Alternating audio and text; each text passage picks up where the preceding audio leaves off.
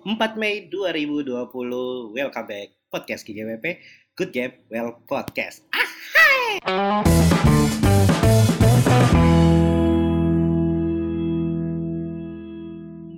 Selamat menjalankan ibadah puasa buat teman-teman yang menjalankannya dan masih dengan COVID ya di tengah-tengah COVID. Gua juga turut uh, berduka bukan berduka cita sih sebenarnya ya. Uh, menyarankan buat teman-teman untuk nggak mudik walaupun emang sangat berat nggak bisa ketemu keluarga mungkin nggak bisa ngumpul sama sanak saudara tapi semoga dengan apa yang kita lakukan selama COVID ini bisa membantu pemerintah supaya sembuh uh, cepat kelar lah COVID-nya ini. Dan di episode kali ini kalau biasanya tamu gue biasa cowok-cowok, uh, kali ini gue bakal ngajak seorang cosplayer. Dia ini followersnya cukup banyak, terus tampilannya selalu lucu-lucu, selalu imut-imut kalau di acara-acara gaming. Dan terakhir gue di XGCon bareng sama dia, dia menjadi cosplayer terbaik 2019. Siapa dia? Ini dia Clarissa Wijaya alias Pun Ipun. Lagi nggak sibuk kan, Pun? Enggak, enggak. Kan memang mau ini kan. Oh iya, dijawab lagi deh. Aduh, Sekarang sibukannya apa, Pun? Sama COVID, Pun? Sekarang kayak biasa sih sebenarnya sebelum dan sesudah COVID sebenarnya sama aja sih karena aku kerja dari rumah kan. Jadi ya bangun, tidur, makan. Jadi ada COVID gak ada COVID sama aja ya? Bedanya cuman jadi nggak bisa ambil kerjaan yang keluar rumah gitu aja sih. Oh iya ya betul betul karena acara-acara off air juga nggak ada ya? Iya event nggak bisa pastinya karena event Oh, kan betul, betul. pasti lebih dari lima orang. Iya betul. Penontonnya banyak ya lagi ya. iya. Tapi eh sebenarnya gue, gue udah tahu sih nama nama asli kan ditaruh di Instagram kan. Tapi nama, kalau ini nama lengkap lu siapa sih sebenarnya? Nama asli ya? Heeh. Sebenarnya sih namanya Clarissa doang tadinya. Ah, Terus ah. baru tahun lalu itu sidang Hmm? di pengadilan. Jadi namanya sekarang ada Wijayanya. Jadi itu itu panjang sih ceritanya. Tapi intinya nama belakangnya ketinggalan gitu. Lucu banget. Tapi ya, umur lu berarti sekarang berapa? 20-an berapa? 20 something. 20, 20, 20 something lah ya, 20 something. Iya, Berarti 20 dari something. dari lah dari lahir sampai 20-an ini Heeh. namanya Clarissa doang nih. Ketinggalan Iya, nama namanya nih. ketinggalan. Iya.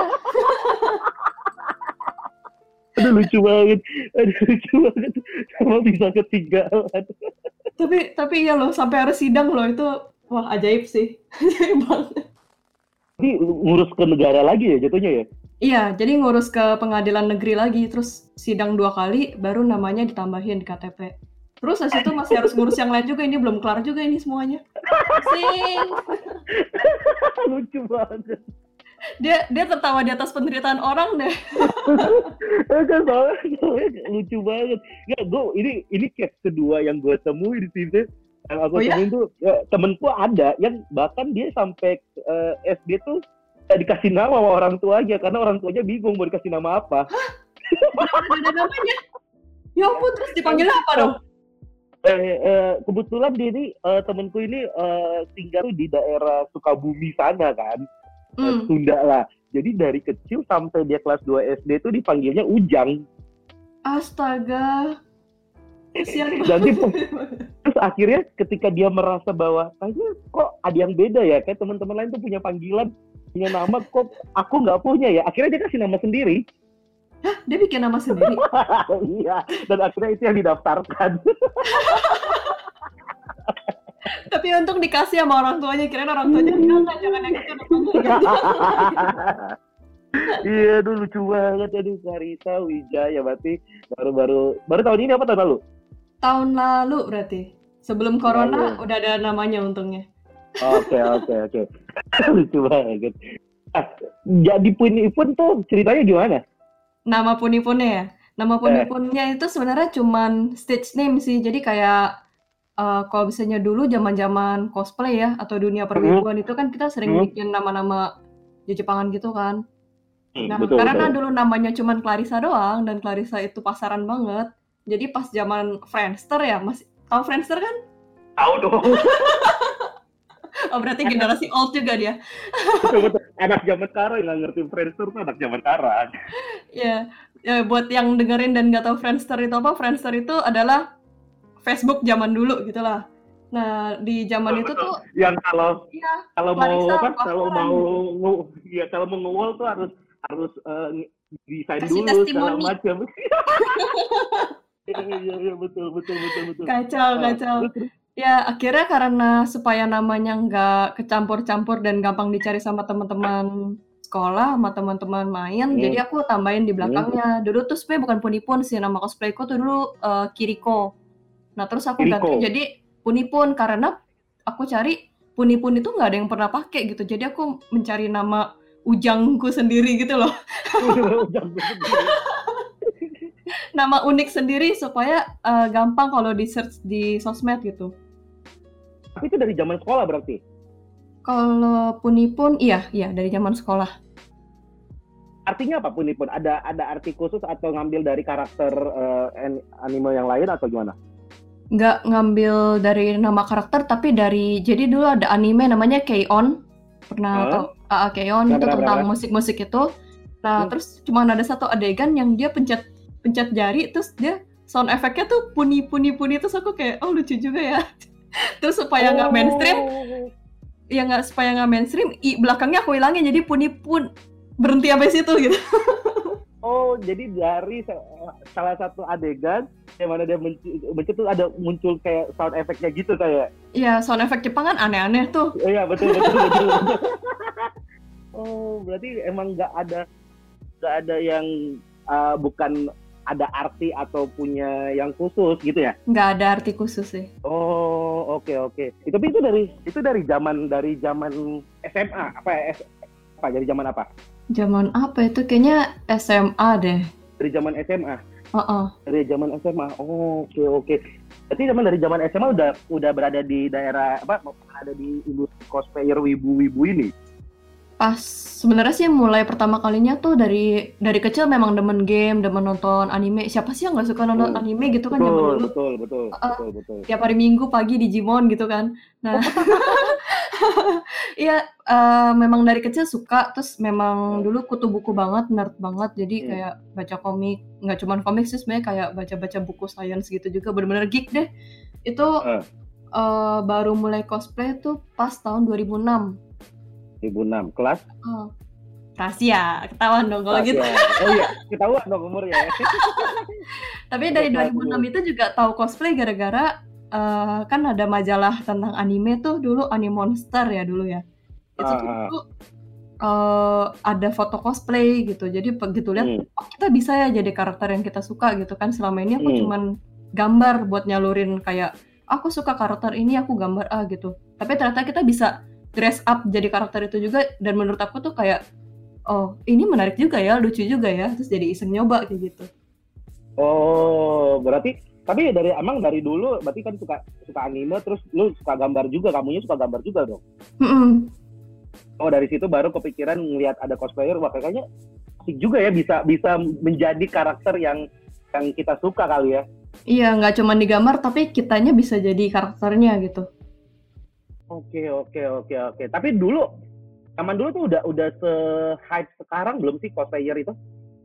Eh, komunitasnya sih masih jauh lebih kecil, benar-benar jauh lebih Hmm. kecil, tapi udah ada event tahunan gitu. Jadi udah ada IO yang memang selenggarain event di Jepangan secara annual gitu. Itu menurut aku udah lumayan ternotis ya berarti komunitas Jepang zaman itu.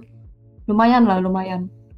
Oke, oke, oke. Menarik nih komunitas. Tapi sebelumnya aku mau nanya ini. Eh, modalnya apa sih? Awal banget kamu tuh menjadi seorang cosplayer. yang persiapan kamu atau mungkin modal kamu tuh apa sih? Modalnya itu paling awal rasa suka sama karakternya itu sih. itu udah Ya, modal yang paling ya. Iya, iya, iya. Betul, betul. Kalau nggak Betul, suka betul. kan percuma juga kan ya? Iya, kalau nggak suka nggak kenal karakternya juga ngapain gitu kan. Nah, karena memang waktu itu aku suka, eh, aku suka karakter si A gitu kan. Terus kayak mulai nyari referensi gitu, desain kostumnya kayak gimana. Dan zaman itu Hmm. tuh kayak aku masih nggak tahu eh, soal jahit menjahit, crafting gitu nggak ngerti kan. Wig apalagi. Jadi tuh rambut dari panjang dari sepinggang aku potong sampai sedagu buat ngikutin belum tahu. karakternya. Belum tahu, belum tahu ada wig ya, belum tahu. Bener-bener ya. Bener-bener noob, noob. Noob 100%. Noob, noob 100% ya. Iya, terus kayak namanya makeup dulu tuh aku tomboy parah gitu. Jadi aku nggak suka Ah. makeup, nggak suka rock dan karakter pertamaku juga karakternya tomboy gitu. Jadi pakainya kayak turtleneck-nya Steve Jobs sama tahu, celana kargo bawa Dragon of SVD gitu kan, bawa sniper Eh, kayak gitulah. Jadinya em, pertama sih cuman mix and match dari baju-baju yang menurut aku mirip gitu sama karakternya karena nggak tahu jahit, nggak tahu wig, nggak tahu makeup gitu.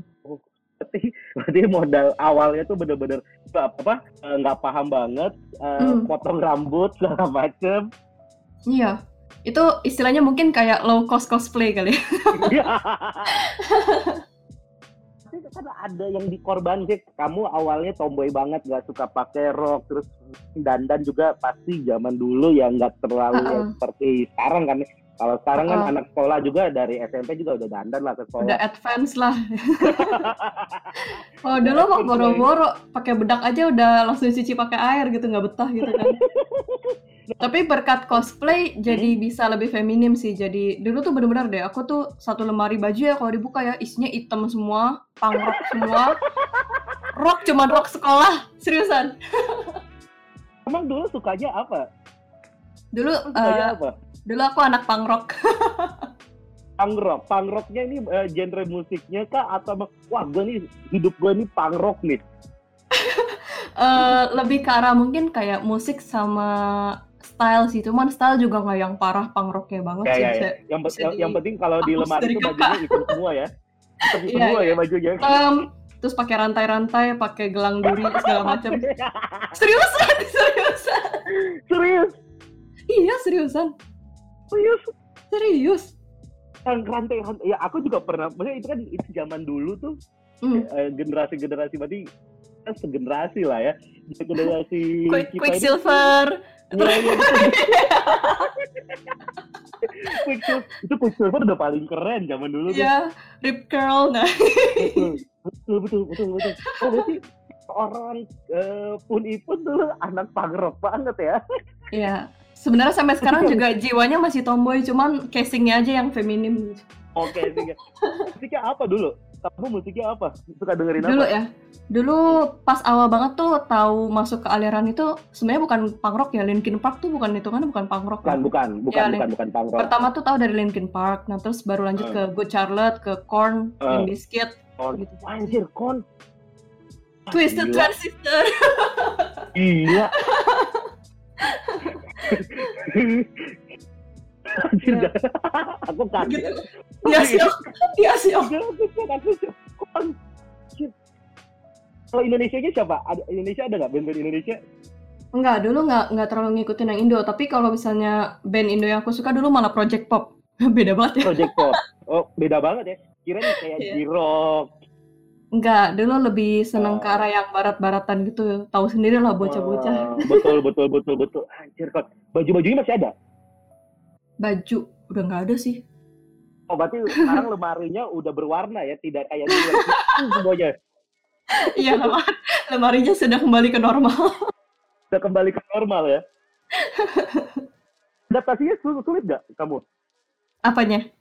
Adaptasi dari seorang yang eh, Linkin Park banget menjadi eh, eh, cosplayer yang orang pasti melihatnya pun-ipun selalu apa ya Unyu-unyu lah. gitu-gitu. unyu-unyu gemesin gitu kan Dan karakter-karakter yang ditampilin eh, gemesin adaptasinya sulit gak waktu itu kayak lemari isinya hitam Hmm. semua menjadi berwarna sesimpel itu kan pasti eh, kayak ah, APD atau ragu gitu kan bagus nggak sih Hmm. kalau pakai baju kayak gini pakai rok bagus nggak sih Nggak instan sih memang, jadi nggak kayak hari Minggu hitam semua terus hari Senin lemarinya warna-warni enggak sih.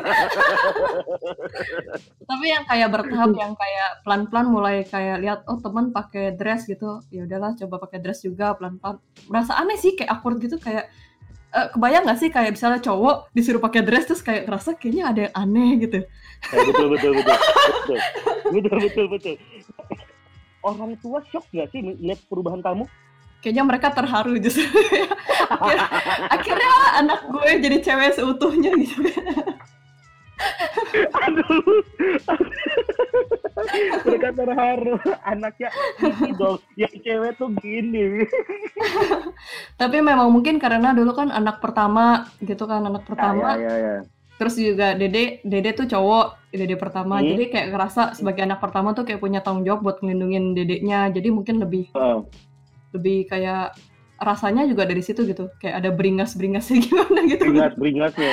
Tapi besar di Jakarta atau di mana? Depok. Lahir Depok. Jakarta, besarnya di Depok. Terus baru pas sudah kuliah baru sebenarnya sih nggak bener-bener pindah Jakarta tapi pernah ngekos di Jakarta lumayan lah dua tiga tahun lah oke. Mm. Kosannya bebas nggak waktu itu? Hmm? Kosannya bebas nggak waktu itu? bebas apanya Bebas. Kosannya campur waktu itu. Oh, pu- cewek doang sih waktu itu. Cuman abis Oke, itu bebas. itu juga ada cerita. Ini kita topiknya apa sih? Topiknya apa sih?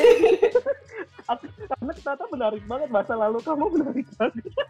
lumayan lumayan variatif sih. Sok banget nggak? Jadi waktu kan make sense sih Eh, seorang eh, puni pun eh, suka kon ya tinggal di Depok ya wajar banget. Parah banget. parah. Ya sama sama dulu itu tuh eh, apa ya namanya? Kalau saya jalan-jalan itu selalu di catcall sama cowok gitu. Makanya dari situ aku aku juga jadi tomboy karena salah satunya kesel digituin terus gitu kayak hmm, eh, pernah lihat gak sih yang kayak eh, neng neng terus yang kayak sweet Ya, ya, sweet ya, gitu ya. gitu cewek Iya, gitu gitu. Tapi aku cewek, kesel ya, banget digituin kan. Heeh, jadi Oke, kayak oke. aku selalu pakai dandan kayak cowok, terus pakai topi, muka tutupin segala macam, tetap masih ada yang kayak gitu juga loh. Heran. Wow. Ini menarik nih. Aku simpan pertanyaan ini karena ini kan ada hubungannya dengan sekarang kamu menjadi seorang eh, cosplayer yang dengan jumlah followers 300 ribuan itu Hmm. pasti mayoritas cowok dong, Iya, ya kan?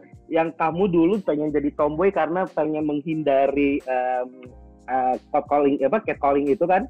Heeh. Em, tapi sekarang kan nggak mau nggak mau rasakan itu juga dong. Maksudnya semua mata tuh terpandang ketika kamu menjadi seorang cosplayer tuh semua laki-laki itu pasti eh, memandangin kamu kan. Kalau ngelihat nggak apa-apa, tapi kalau catcalling atau harassment itu, tapi nggak ada yang berani sih sekarang. Maksudnya, berani ya. soalnya memang eh, dari dulu aku juga coba edukasi ke follower-follower aku gitu. Kalau misalnya jangan body shaming, jangan sexual harassment dan lain-lain gitu. Oke. Jadi kayak Ya, Oke oke. yang sekarang tetap sama aku ya tetap follow aku ya mereka udah ngerti gitu. Dan Udah jadi kamu batasin ya, udah kamu batasin juga ya. Mm-mm, mm-mm. maksudnya eh, aku selalu bilang jangan wajarin hal yang nggak wajar gitu. Betul betul betul betul. yang betul. rugi juga mereka soalnya. Betul betul betul. Nah tadi kosan, apa cerita lucu dari kosan? Oh, kosan. Hmm. Cuman cuman ini doang sih. Jadi ke- waktu itu kan ngekos di Jakarta karena kerja di Jakarta Oke. tuh. Jadi Oke. kos-kosannya tuh memang khusus cewek dan bener-bener cuman sepetak. Itu tuh kalau nggak salah ukurannya cuman 2 meter kali satu setengah kali ya. Sa- sa- Hmm? Jadi begitu masuk itu cuman ada ubin lurus, terus di bawah Hmm. lantai udah langsung kasur dan sama lemari gitu. Jadi bener-bener Oke. kayak kayak toilet kecil gitu tapi itu kamar gitu. Iya. Iya, kebayang kan? Iya, dulu di Jakarta Kebayang. ngekos ngekos di situ gitu kan. Nah, terus suatu hari aku uh, dapat job uh, ke Jepang. Nah, pas aku Oh. udah mau flight ke Jepang, tiba-tiba ditelepon sama temen aku yang satu kos waktu itu sama Macame, cosplayer juga. Oke oke. Cuy, kosan kita mau digusur. itu itu pas pas besoknya aku uh, malamnya udah harus flight ke Jepang gitu kan kayak hah itu laptop terus barang semua masih ada di kos-kosan Akhirnya diselamatin oleh diselamatin oleh temenmu. akhirnya eh, coba ditahan jadi pas aku pulang ke Jepang eh pas aku pulang dari Jepang baru aku langsung ke kos-kosan terus nyelamatin barang-barang itu kos-kosannya udah penuh pasir semua beberapa kamarnya tuh udah diruntuhin gitu jadi kayak Tinggal kamarmu, tinggal kamarmu. tinggal kamarku sama beberapa kamar lainnya gitu kayak waduh habis deh nih barang-barangku ada keyboard Aduh. ada laptop aduh Lucu itu banget. wah, itu itu nggak bisa dilupain sih itu di ya, di ya. Jepang pertama kali ke Jepang ya yang di otak sampai sana yang dipikirin bukan seneng-seneng gitu kan anjir kosan gua mau dirubuhin Dirubuhin, aduh lucu banget. Pertama Jadi, kali keluar iya. negeri, itu pertama kali keluar negeri dari eh, cosplayer atau gimana? Oh enggak, kalau itu pertama kali ke Jepang. Jadi waktu itu uh, ada Oke. dapat proyekan untuk tur ke Jepang gitu, kerjaan sih. Oh, oke. Tapi mikirin kosan. Iya, tapi mikirin kosan bayangin aja itu bareng-bareng. Aduh. Aduh. Eh, karakter pertama yang kamu em, dap tiru untuk menja untuk kamu Hmm. pakai pakaiannya untuk jadi karakter itu apa? Ingat nggak? Masih ingat nggak? Ingat-ingat, eh, waktu itu tuh mungkin banyak yang nggak tahu sih soalnya ini serialnya nggak terlalu terkenal. Jadi dari komik namanya Gunslinger Girl. Jadi tentang anak-anak kecil yang dijadiin cyborg buat jadi pembunuh bayaran. Agak Wow. agak dark sih dan agak politik-politik gitu ceritanya. Jadi makanya kurang gitu terkenal kayaknya. Kenapa? Kenapa kamu milih itu? Emang masih jiwa-jiwa pemberontak punk rocknya masih ada ini? Ya, ya memang masih tomboy kan dan waktu itu aku demen eh, senjata juga karena kebetulan di keluarga aku ada yang punya license senjata juga dan Oh. memang hobi eh, nembak gitu kan. Jadi aku kayak eh, kadang ikutan juga main rifle, main sniper gitu. Tapi Apa nama karakternya? Apa nama karakternya? Aku mau cari coba. namanya Rico, R I C O. Namanya Rico, cowok eh, kan tapi cewek. eh, eh. Rico, R I. Eh, serialnya apa? Serialnya apa namanya? Gunslinger Girl. Tulis aja GSG harusnya keluar Oh, sih. Oke, oke, oke, oke. Oke, oke. Oh, ya, ya, ya, ya, Iya. rambutnya. Dia dia memang rambutnya pendek dan blonde gitu kan. Eh, Oke, dia ini cowok ya? Cewek, cewek. Ini cewek, dia cewek. Oke, Iya, dia oke. cewek. Namanya tapi cowok, Rico ya. Namanya ya namanya dikasih sama mentornya tuh cowok Rico. Pakaian yang kamu pakai eh, waktu itu eh, sebagai cosplayernya nge-cosplay dia ini apa yang mana? Yang pakai turtleneck hitam yang kayak Steve Jobs. Anjir, iya aku lihat nih. yang megang ini SPD. Eh, bukan SPD itu betul, Gewer ya. betul. Gewer Betul, betul. 43 kayaknya. Heeh.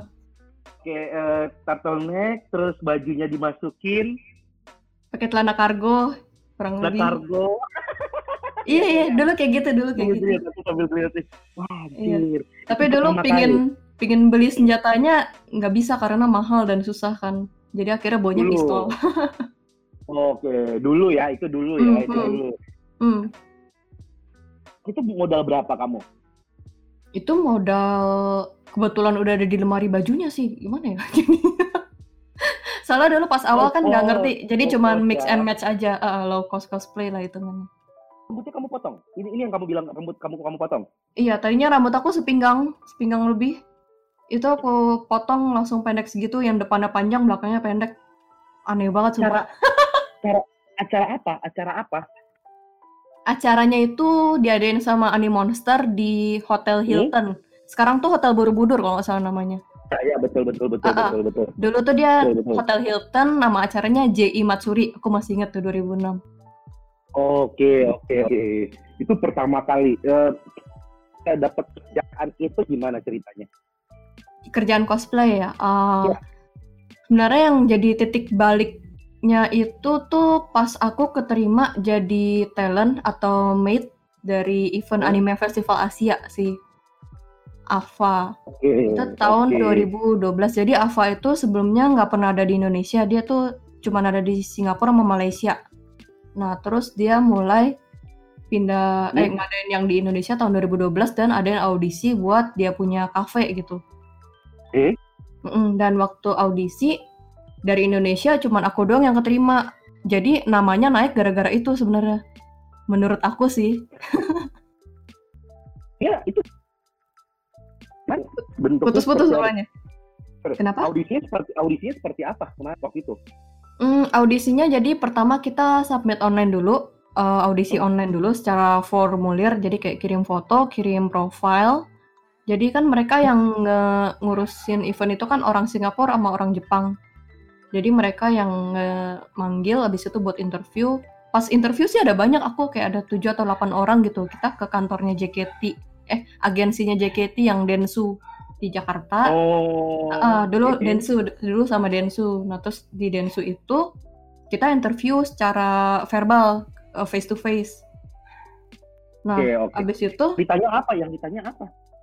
yang ditanya yang lucu, kenapa selalu ada kejadian lucu gitu ya? Pertama kali masuk Iya. gedung Densu kan masuk lift kan. Kalau gedung kantoran gitu kan sekarang liftnya kan yang tiap kali kita pencet lantai terus nanti liftnya A B C D atau yang mana gitu ya kan Hmm, Heeh, ya. nah, jadi itu kayak aku masuk ke satu lift Hmm? terus pas sebelum nutup ada lagi mau masuk orang-orang Eh, mereka ngomong Singapura ngomong Singapura ngomong Singlish gitu Singapura Singlish yang gitu ya? English ah ah, ngomong Eh. Singlish gitu kan terus karena aku mau interview sebagai talent jadi kan aku juga dandannya sesuai kan nyesuaiin lah Eh, Oke. pakai dress gitu-gitu ah pakai dress, oh pakai dress segala macam. ya pokoknya bentuknya Iya, kayak iya. puni-pun yang sekarang gitu lah unyu-unyu.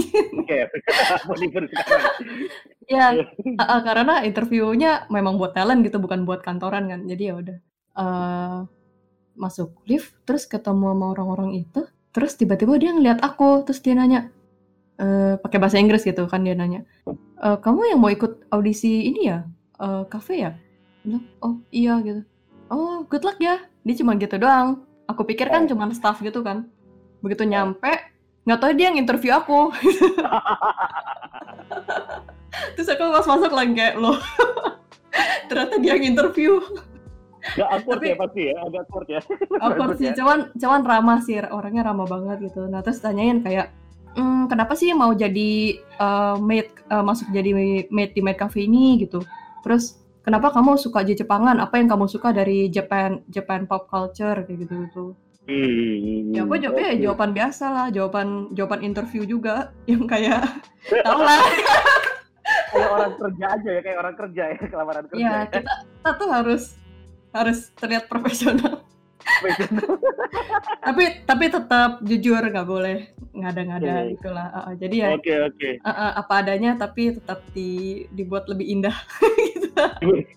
Eh, apa eh, diplomatis ya, diplomatis. ya. diplomatis betul diplomatis nah terus Oke. tiba-tiba tuh aku Eh? disuruh coba cobain kostumnya jadi mereka bawain kostumnya kostum maid gitu terus suruh Hmm? cobain ya udah aku Hmm? cobain dong aku cobain pas balik ke ruangan interviewnya terus di dia foto habis itu dia bilang hmm, lusa ada press conference sama TV dan lain-lain kamu bisa datang terus aku kayak masih blank gitu kan aku bilang kayak oh bisa gitu kan oh kamu nggak senang kamu keterima loh. Terus yang kayak hah?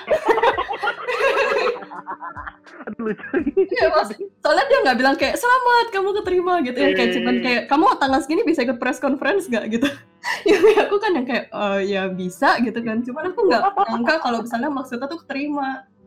Iya, kita ya, kan bilang bisa itu kan karena ya namanya kita lagi mencoba sesuatu kan eh, kamu bisa nggak datang tanggal segini? Bisa nggak ya, ya bisa, aja bisa dong. bisa. Heeh. bisa orang memang nganggur gimana? Bisa gitu. Tapi waktu itu pas lagi kuliah sih itu pas masa lagi kuliah. Eh jurusan apa kuliahnya kamu? Aku komputer science software engineering.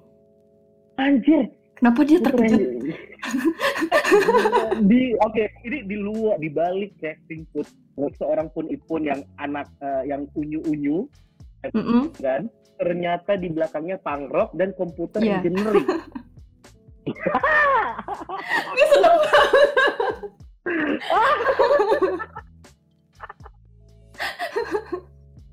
kontras banget ya kontras banget ya semuanya ya Eh, nggak tahu ya mau belakang bertolak belakang semua ya aku tuh maruk semuanya semuanya aku ambil. Musik iya IT iya eh, gambar iya. Kayak aku pernah lihat aku pernah lihat kamu main piano juga loh. Aku main semua alat musik kecuali yang tiup. Kecuali yang tiup ya aku main Bisa. piano piano drum gitar cello bass.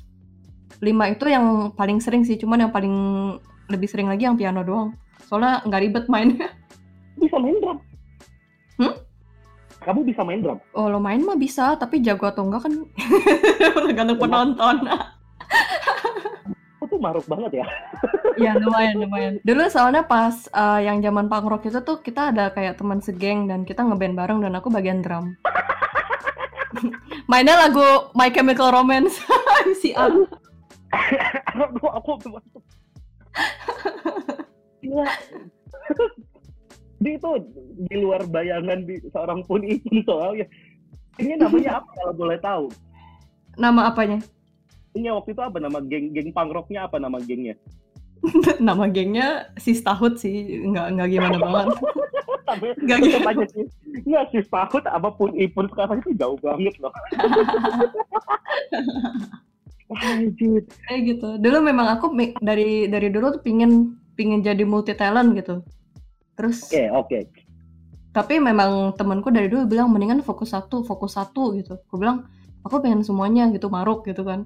Eh, Tapi jadinya memang nggak jadi jago banget di yang satu aspek gitu. Tapi bisa semua tapi nggak jago banget di satu aspek gitu. iya sih, iya sih. Hmm, Eh, orang-orang yang multi talenta dan emang tidak memfokuskan ke sana, mm-mm. di, di semuanya dia bisa lakuin, tapi Mm-mm. Jago atau enggaknya itu relatif dan bisa dibilang hanya sekedar bisa kali ya. Iya, sekedar. Jadi istilahnya kayak semuanya balance 50-50-50 gitu lah. Eh, nggak ada nggak ada salah satu yang nonjol tapi akhirnya ketemulah jalan di cosplayer ini kan cosplayer ini Iya. kan Tapi cosplay juga sama aja sih. wah eh tiga ratus ribu banyak gak sih sebenarnya cosplayer di Indonesia nih Banyak sih cosplayer di Indonesia sekarang. Banyak banget malah. kalau dulu kan du- dulu kan jarang lah ya cosplayer tuh bisa dibilang tidak se hype sekarang. Ah, kalau kamu sendiri melihatnya apa yang membuat jadi hype kayak sekarang nih? Apakah emang eh, berkat dukungan komunitasnya semakin besar atau emang kamu suka anime ibu- ibu-ibu makin banyak? Menurut aku sih kalau misalnya dari ngomongin komunitas Jepangannya sebenarnya banyak yang suka Jepangan. Aku yakin banyak sih yang kayak mungkin nggak cuman anime tapi ada juga yang memang demen eh, Japanese culture-nya kayak yang bener-bener tradisional kayak kaligrafi dan Betul. lain-lain. Mungkin ada banyak juga gitu. Tapi dengan banyaknya eh, cosplay gitu begitu orang datang ke event Jepang terus lihat cosplay kayak melihat itu sesuatu yang menarik sih. Ini menurut aku ya, menurut pandangan betul aku. betul betul betul betul Mm-mm. Kayak oh ada yang jadi karakter yang aku nonton kemarin istilahnya kayak gitu gitu kayak oh ada yang jadi Naruto pin foto sama Naruto kayak gitu gitu dan aku ngerasa kayak misalnya orang yang tertarik sama cosplay itu jadi salah satu market target marketnya CEO ya nggak sih? Karena jadi banyak yang datang buat foto sama cosplay. Betul betul betul betul.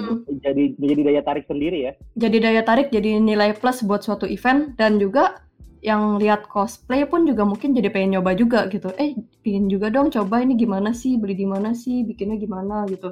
Jadi eh, makin lama makin bertambah dan event tuh makin banyak. Dulu tuh event bisa kayak sebulan benar-benar empat kali gitu tiap minggu ada event gitu. Hmm. Nah sekarang memang agak berkurang sih karena sekarang itu menurut aku lebih ke arah gaming. gaming ya? Mm-mm. oke oke. Kamu pertama kali pertama kali banget eh, menjadi cosplayer apa sih kisaran berapa uh, fee-nya Apanya? atau ucap bayarannya Pas eh, job job pertama cosplay ya? Ya. Itu kan yang berarti yang dari pas eh, dari jadi maid di Ava Cafe terus kayak IO IO gede mulai ngelirik juga karena itu event gede banget di Indonesia waktu itu kayak Ah. paling besar itu gitu. Yang anime festival Asia. Terus eh, mulai diundang pertama kali tuh sama Binu Square, eventnya Binu Hmm? Square ingat. Itu Hmm? bukan bukan kampus ya, ini eh, Binu Square tuh yang bagian eh sebutannya apa ya? Mungkin asrama mahasiswanya kali ya. Kenapa? Oke oke oke. Mereka ada bikin event di Jepangan dan itu aku pertama kali jadi guest star. Waktu itu kalau nggak salah tuh aku fee-nya berapa ya? Kayaknya di satu Eh. juta, ah, di satu juta kali ya kalau nggak salah. Sejutaan. Satu juta pas event sehari itu kalau nggak salah. Sebenarnya sih sebenarnya se- kalau sekarang kalau sekarang sekarang Mm-mm. aja nggak usah ngomong angka pasti. Kan sejuta kalau Nah, sekarang. kalau sekarang, kalau sekarang jujur nggak jauh beda sih. di atas itu tapi di atas itu. Di atas itu pasti kalau nggak nambah nanti ini defisit. Bensin aja naik. Karena kan kalau lihat tiap kali kamu eh, nah, eh, Jepang-Jepangan atau gaming itu kan eh, kostumnya kan pasti beda-beda, ya kan? Diusahakan Eh, beda-beda. Itu kan beda-beda. Mm-mm. Yang beli ada yang sewa, Eh, kalau aku ini ini personal sih, tapi bukan berarti nggak boleh sewa sih. Tapi aku personally nggak mau sewa kostum karena Hmm. eh, buat aku tuh kos kostum cosplay itu kayak ada sentimental value-nya gitu loh buat aku. Kayak misalnya punya suatu barang kesayangan gitu loh. Jadi kayak aku lebih prefer kalau mau bikin ya bikin sama temen temen aku temen cosplay aku pertama kali sekarang jadi kostum maker gitu dan dia juga bikin buat Oh. kayak Garena buat bikin apa Nah terus eh, jadi aku lebih banyak kayak desain bareng, brainstorming bareng, lalu dia yang bikin fabric dan aku biasanya bikin props kayak gitu. Dan Oke. heeh, Satu baju eh, kisaran berapa eh, modalnya? hmm, kalau dari zaman sebelum 2015 itu kayak satu kostum kisaran 500 sampai 1 jutaan kurang Hmm. lebih. Kalau sekarang itu udah naiknya lumayan drastis sih kostum itu dari minimal sejutaan lah kostum. Itu belum termasuk wig, softland, sepatu, props. oh itu belum, itu belum, itu cuma benar-benar Eh, bajunya gitu, ya. kostum, ah, ah, bajunya. udah punya berapa kostum? Kalau punya, berarti udah banyak banget ya. udah 14 tahun berarti. Eh, mungkin seratusan ada kali ya. Tapi Oh, nggak semuanya, Nggak semuanya apa? Nggak semuanya apa? nggak semuanya aku simpen sih. Jadi beberapa memang akhirnya ini aku lepas. Dan Oh, ada juga yang aku ya? jual, ah, ah. Yang memang Oh. bener-bener aku udah relain, ya udah relain. Oh, muka, eh, kar- karena tadi itu aku menanyakan ini modalnya lumayan, terus aja cuma pakainya sekali doang, ya kan? Eh, berarti kan nggak muter lah keuntungan dari situ kan? Kita juga, eh, aku pernah nanya kalau nggak salah juga, eh, kayak modal satu setengah dua juta, kalau pakai sekali kan sayang juga kan ya? Hmm. Berarti banyak yang dijual-jualin lagi. Hmm, emang dikasih dijualinnya pun aku jualnya jual rugi semua sih banyak kan. Jadi eh, sebenarnya muter sih karena eh, dipakainya nggak benar-benar cuma sekali. Jadi memang ada buat ke event juga bisa satu atau dua kali dipakai buat event atau tergantung dari eventnya. Kalau misalnya eventnya eh, acara khusus kayak game khusus A gitu yang mau karakternya A, otomatis bakal pakai kostum yang A lagi gitu. Oke, Eh, oke. selain itu juga ada merchandise gitu. Jadi kayak kita bikin photobook, poster buat supporter-supporter. Nah, itu juga lumayan bantu sih buat nutup Nutup, nutup modal ya, nutup modal ya. ya istilahnya lah. Aktor yang paling kamu suka sekarang apa? Biasa yang paling sering kamu pakai lah kalau emang nggak ada request dari IO atau dari perusahaan. Oke, di luar sponsor ya. Di luar, Luar sponsor lah, di luar di sponsor. luar sponsor yang paling sering aku pakai itu kayaknya om Ntar berpikir dulu. lumayan. Ini kak, Kayaknya Kizuna Ai deh, Kizuna Ai. hmm, ya ya aku tahu aku tahu. Itu paling sering ya. Kenapa? Soalnya aku demen istilahnya gimana ya? Kayak pas kita pakai tuh ngerasa kayak udah comfortable banget sama kostum itu gitu. Oke oke. Udah paling paling enak lah, paling nyaman lah ya. Iya, paling nyaman. ya. Kalau gaming sendiri, lu kan berarti dari yang Jepang-Jepangan, anime, terus bergeser ke gaming. Hmm. Masuk ke dunia gamingnya tahun berapa? Dunia gaming masuknya berarti tahun berapa ya? Hmm, 15, kayaknya 16? 2015 apa 16 gitu. Jadi pas pertama kali jadi eh, brand ambassadornya laptop gaming. Top gaming gitu ya. Iya, tapi sebelum itu juga ada job-job gaming sih, cuman nggak nggak yang kayak e-sport sekarang gitu. Hilang. Eh, sebelum covid, sebelum ada covid paling sering karakter gaming apa? paling sering kayaknya dulu tuh awal eh, pas awal-awal mobile, bukan Mobile Legend. Mobile Legend sama AoV dulu sering sih. Lumayan Oh, sering. Ha-ha. Mobile Legends jadi apa? Mobile Legend aku Layla, pengen bikin yang baru tapi Oh. lagi masih mikir-mikir sih. Alah, alah, Layla aku demen memang dari dulu pingin banget bikin yang steampunk gitu dan pas lihat Layla, waduh gila, ini desainnya cakep banget, demen ya udah Nggak jauh-jauh dari punk. steampunk, steampunk beda, Ste- Steampunk, steampunk, bukan punk rock tapi steampunk. So, AOV kalau apa? Apa? Ove, Diao-chan sama Alice, jadi aku ada dua sih. Diao-chan itu memang pertama kali, eh dulu Ya. tuh ada butterfly, tapi butterfly itu kostumnya eh, dari Garenanya, jadi bukan punya aku. Jadi aku nggak nggak anggap Oke. deh nggak dimasukin ya. Eh, Diao-chan Oh, itu memang aku demen banget itu game MOBA HP pertama yang aku mainin dan aku demen banget pakai dia gitu walaupun cupu. Kalau E- Ellie, aku sih suka banget Ellie sih. Karakter atau Iya. karakter di AOV aku paling suka Ellie sih. Lucu soalnya. oh, Ellie tuh pedofil. Eh, eh, agak melihatnya lucu juga ya. Ada apa unyu-unyu eh, tapi cukup membantu kalau lagi push rank cukup membantu lah. Aku sering carry loh pakai Alice, heran. Walaupun kalau aku main eh, eh, main AoV pakainya Eudora sih. Ya udah. Eh, Dora. Eh, Dora mah Mobile Legend. Mobile Legends. Jenis sama itu eh, AoV AoV Star sejenis hmm, aduh aku aku lupa lagi. Yang Ya em, apa, wiki, tank? eh, ungu ungu rambutnya ungu keluarin kayak laser kalau misalnya di Mobile Legends tuh Gord. oh Aduh aku lupa. si ini si ungu. ini si- Natali. Natali, Natali, Oh Natali ya Natali. Natali, Natali, Natali. Kalau Kirain Kahli, kirain Kahli tadi yang lo. Enggak. Aku termasuk eh, eh, angkatan AoV awal-awal lah. Ah, sama sama sama. Beda nggak sih, be, eh, treatmentnya beda nggak sih gaming sama anime? Hmm, treatment di gimananya dulu? Um, betul kesulitan kayak ini pakaiannya, pak dari sisi pakaiannya, terus dari mungkin fansnya juga kan beda kan ya? Fansnya eh, sebenarnya beda, tapi juga Iya kan? beririsan sama yang ya? demen Jepangan sih iya ya. Iya betul betul. Karena aku pernah banget, aku pernah nge-MC pertama. Ini mungkin bagi aku nggak tahu ya. Sebelumnya ada acara e-sport. Aku sama Garena Point Blank 2015 Mm-mm. itu rame banget. Itu karena in, itu eh, mungkin pertama kalinya Point Blank besar bikin di tenis indoor. Terus fansnya ada bintang tamunya JKT.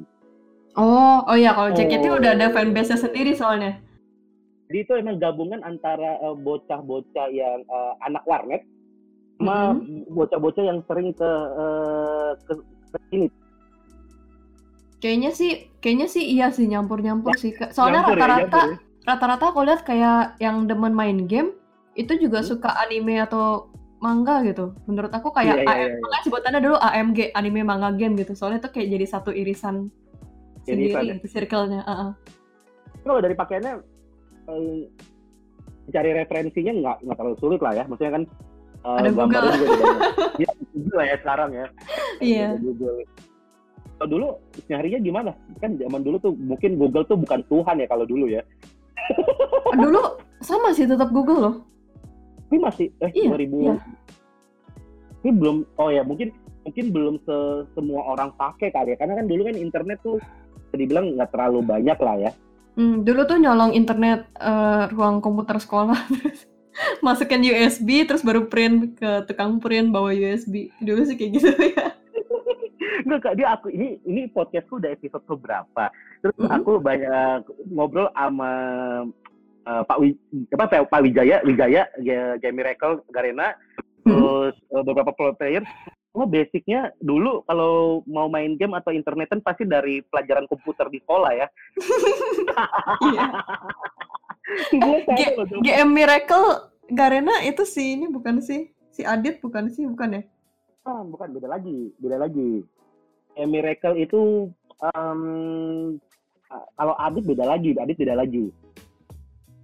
Lupa dulu kok di situ itu semua soalnya. tim- ya kayak um, Sufui masih nggak sih di Garena?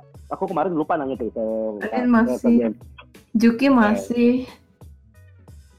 Rizuki masih ya, Rizuki masih ya. Mm-mm. Adit, Adit itu sekarang megang COD Oh iya dia udah bukan pegang OV lagi. Bukan karena eh, aku sering banget sama bareng sama Adit. eh, aku kan di sekarang bareng sama Tulis Lucu Indonesia. Nah, Mm. itu Garena tuh sering banget sama MLI. Mm. Kalau misalnya ada konten baru, semuanya pasti di MLI. Mm. Betul, betul, betul. Menarik banget. Nah, eh sampai kapan? Menga- oh, bukan sampai kapan? Menjanjikan nggak sih pekerjaan menjadi seorang cosplayer ini? Hmm, ya semuanya tergantung deh. Sama pertanyaan ini tuh juga bisa ditanyakan kalau misalnya kayak buat pro player atau yang Hmm. penggiat industri gaming kayak sejujurnya kayak industri entertainment gitu kan lumayan cepat naik dan turunnya ya. Kayak Betul, betul. kayak dulu orang buka apa jus mangga itu sampai ngantri keluar mall terus sekarang sepinya minta ampun juga. Kayak Betul, betul, betul, semuanya semuanya ada naik turunnya gitu. Jadi menurut aku sih hmm, kita nggak bisa bilang pastinya bisa sampai kapan dan seberapa menjanjikannya. Itu kayak buktinya pas lagi ada kejadian bencana kayak gini pun jujur aja event off air tuh susah banget kan? Sama sama. Betul betul betul. Ah, ah, ah, ah. jadi kayak agak agak susah buat dijawab pastinya gitu. Nah, bingung. kan ini berarti nggak pasti kan? Ini kan kalau pro player mungkin dia beralih selain jadi pro player dia mungkin Bisa jadi coach. bisa jadi caster coach caster ya kan Hmm, Uh, bikin warna jualan item-item game Hmm. nah kalau kamu sendiri mm-mm. backup Kalau cosplay ya? apa hmm. Kalau itu pasti dong itu kan modalnya modal dan yang dijual itu kan sebenarnya karya cosplaynya gitu kan. Jadi eh, kita modalnya butuh diri sendiri gitu. Itu backup plan-nya ya. Sebenarnya sih ada yang kayak mulai geser ke gaming juga. Bisa jadi brand ambassador juga bisa. Terus bisa jadi streamer bisa. Eh, streamer ya tapi kalau ini menurut pandangan aku pribadi gitu. Personally sih kayak Ya. itu bukan backup resikonya Iya, sama iya, iya, resikonya sama Ah, re- resikonya tuh sama dan menurut aku itu bukan pekerjaan long term gitu jadi aku lebih ngelihat backup plan aku tuh ke arah bisnis Oke. di bisnis udah mulai kah udah mulai sedikit-dikit sih bisnis apa Eh, lagi membuka kafe juga tapi habis corona dulu mau buka kafe mau buka kayak tempat serbaguna kayak buat disewain buat main board game buat karaoke buat bikin kursus-kursus gitu juga Oke, kayak gitu-gitu sih emang plan ini ke bisnis ya pasti lah ya Ah, ah. Iya, mau nggak mau sebenarnya bisnis yang jalanin semuanya sih jadi susah. emang maruk ya emang dasarnya maruk ya Budi dasarnya maruk ya Nggak, itu namanya haus akan wawasan, ya. betul betul betul mempelajari semuanya kalau bisa dapat untung dari semuanya kenapa enggak ya Iya betul betul. Kayak aku bisa ngerjain semua, ya tapi boncos juga sih. tapi emang beneran aku syuting sendiri, ngerekam sendiri, photoshoot sendiri, Eh. video sendiri, Eh. editing dan lain-lain sendiri? semua sendiri. Aku kalau bisa lihat foto-foto di Instagram itu banyak kan kayak aku foto sendiri pakai remote tapi nggak ada yang nyadar kan itu aku foto sendiri. Oke oh berarti emang eh itu talent banget ya serba bisa ya Tapi ya tidak menonjol. sekedar bisa, sekedar bisa. sekedar bisa sekedar bisa ya Heeh. nah kalau misalnya kamu sekarang lagi YouTube juga lagi jalan kan ya Eh, pelan-pelan sih lagi coba tiap minggu upload satu gitu. dandan nggak sih kamu Hmm? dandan kalau eh, streaming eh, atau bikin konten gaming tetap dandan menjadi harus seorang dandan kayaknya. Kadang males sih kayak kenapa sih harus dandan cuman cuman namanya kamera kan tahu sendiri kamera itu kan susah lah. betul, betul, ah. dan emang udah karakternya di situ ya Iya. Eh, dan mungkin mungkin kalau kamu nggak dandan fans-fans kamu ngerasa aneh kali ya Tapi eh, sebenarnya sih aku kayak nggak masalah sih nggak dandan cuman kayak sesuai nama kontennya aja gitu. Ada banyak sih Oh. aku bikin video juga kayak lagi nggak pakai makeup gitu-gitu banyak kayak vlog gitu-gitu juga ada.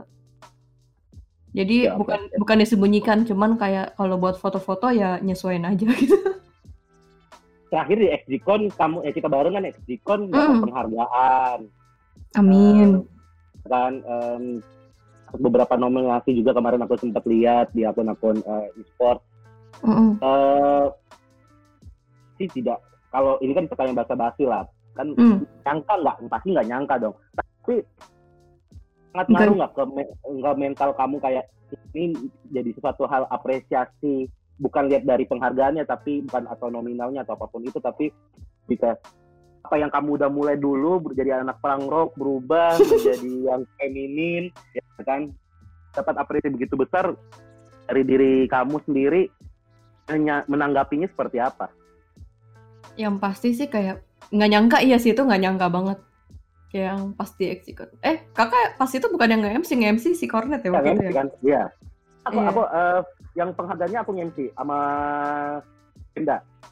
Yang pas aku dipanggil kayak sama si itu tuh aku nggak nyangka gitu. Yes. Aku udah, Nah, ya, ya. udah aku udah teriakin nama cosplayer lain, nama temen gue kan, wah terus tiba-tiba puni pun terus aku kayak, hah? Ternyata manajer aku udah tahu juga, tapi dia nggak mau ngasih tahu. Jadi aku ngeliat ke dia kayak, hah? Terus kayak hah? Sampai di depan pun juga kayak bingung ngomong apa karena bener-bener nggak nyangka Ah, kan. ah, ah. Diketawain lagi sama MC-nya waktu itu.